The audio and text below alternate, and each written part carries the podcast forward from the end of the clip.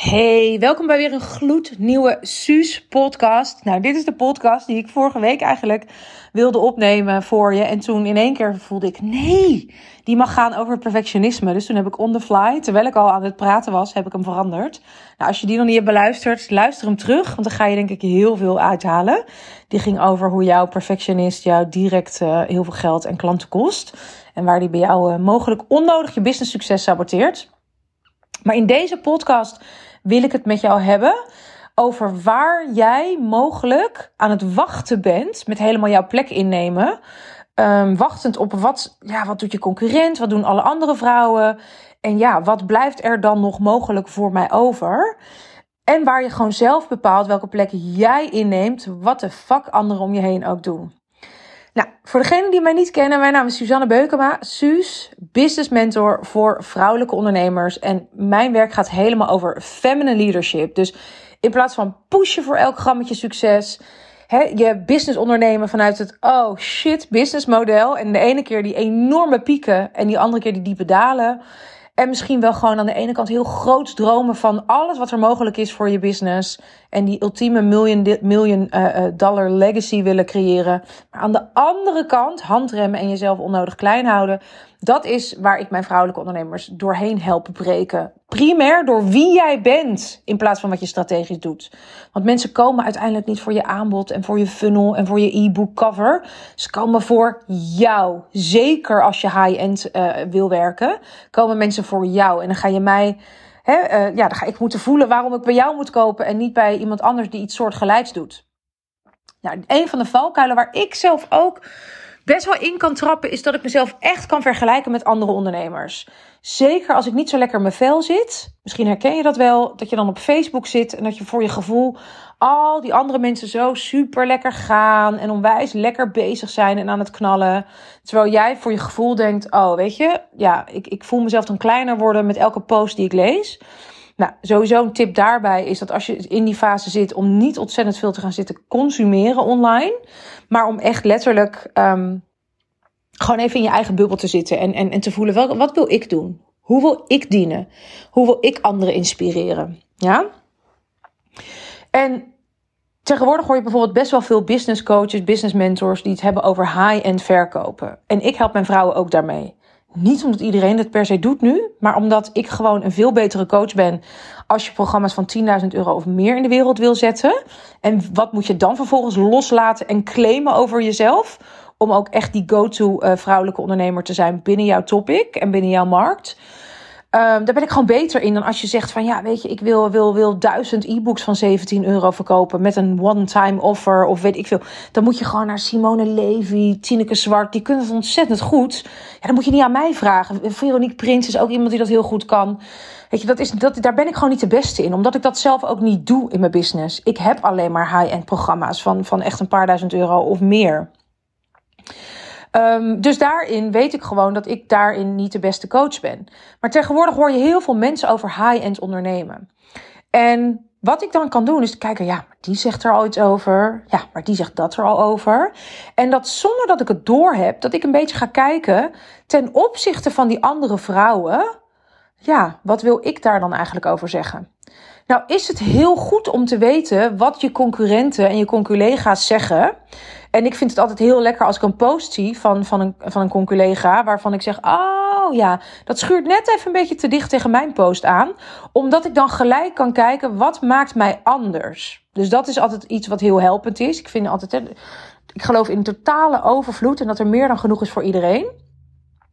Maar los daarvan Weet je wel, kan het niet zo zijn dat omdat iedereen over high-end ondernemen spreekt, dat ik daardoor in één keer bijvoorbeeld denk, ja, dan moet ik het maar niet meer doen, want iedereen heeft het daar nu over.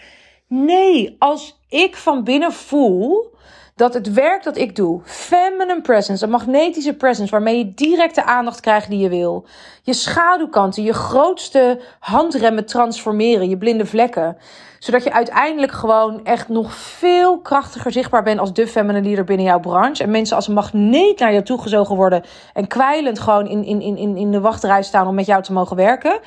En dat leidt uiteindelijk tot die moeiteloze high-end klanten aantrekken. Als dat nou is waar mijn werk ten diepste over gaat, en daar gaat het over.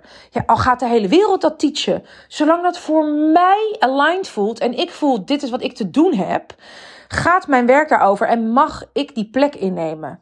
En ik merkte dat ik afgelopen maanden misschien wel iets te veel zat. En ja, maar wat teacht iedereen dan al? En dan moet ik daar misschien, weet je wel, van wegbewegen. Of dan, dan moet ik misschien helemaal iets anders doen. Nee, ik mag gewoon binnen dat veld van die high-end mentors mag ik zitten. En ja, daarbinnen mag ik gewoon helemaal uh, mijn unieke plek claimen. En ook mijn woorden, mijn unieke suussausje daaroverheen gieten. Zodat je ook echt voelt dat het anders is. Maar ik zie te veel van mijn klanten die dan zeggen... ja, ik wil eigenlijk heel graag iets doen met afvallen. Maar ja, er is al een hele goede, er zijn al heel veel goede afvalcoaches. Ja, maar die zullen er altijd zijn. En John de Mol, die gaat niet zitten van, oh, nou, er is al heel veel op het gebied daar of daarvan.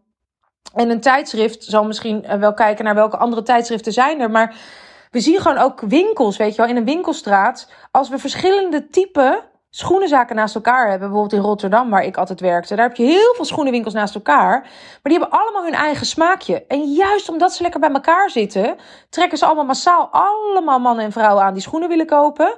En weten we perfect, weet je wel, waarom we uh, naar de ene winkel gaan, naar de Mansfield. En niet naar de Tango Shoes, die volgens mij failliet is. Of naar de Invito.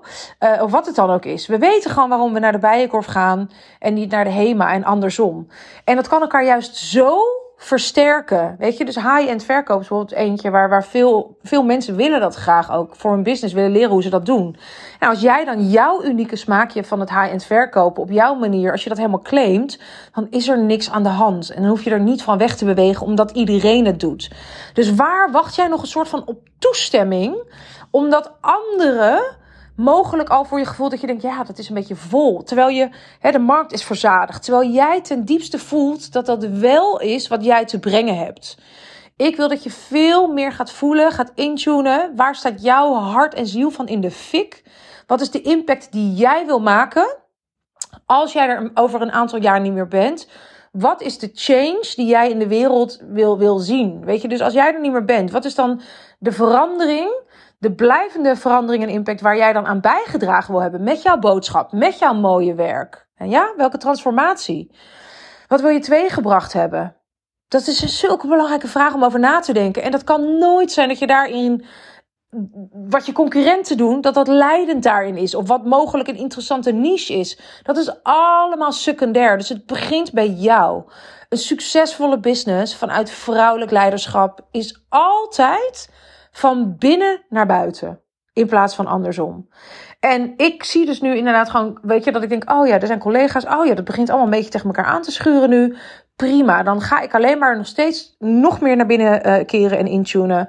Wat is het wat ik echt wil brengen? En weet je wel, mensen zeggen wel eens, oh, doe je hetzelfde als die of doe je hetzelfde als die? En dan denk ik, oh, interessant dat ze denken dat wij iets soortgelijks doen. Dat is alleen maar een uitnodiging voor mij om nog meer te claimen wat ik in de wereld wil zetten en er mijn woorden aan te geven zonder dat ik denk, oh, nou moet ik misschien heel iets anders omdat zij dat doet. Ja?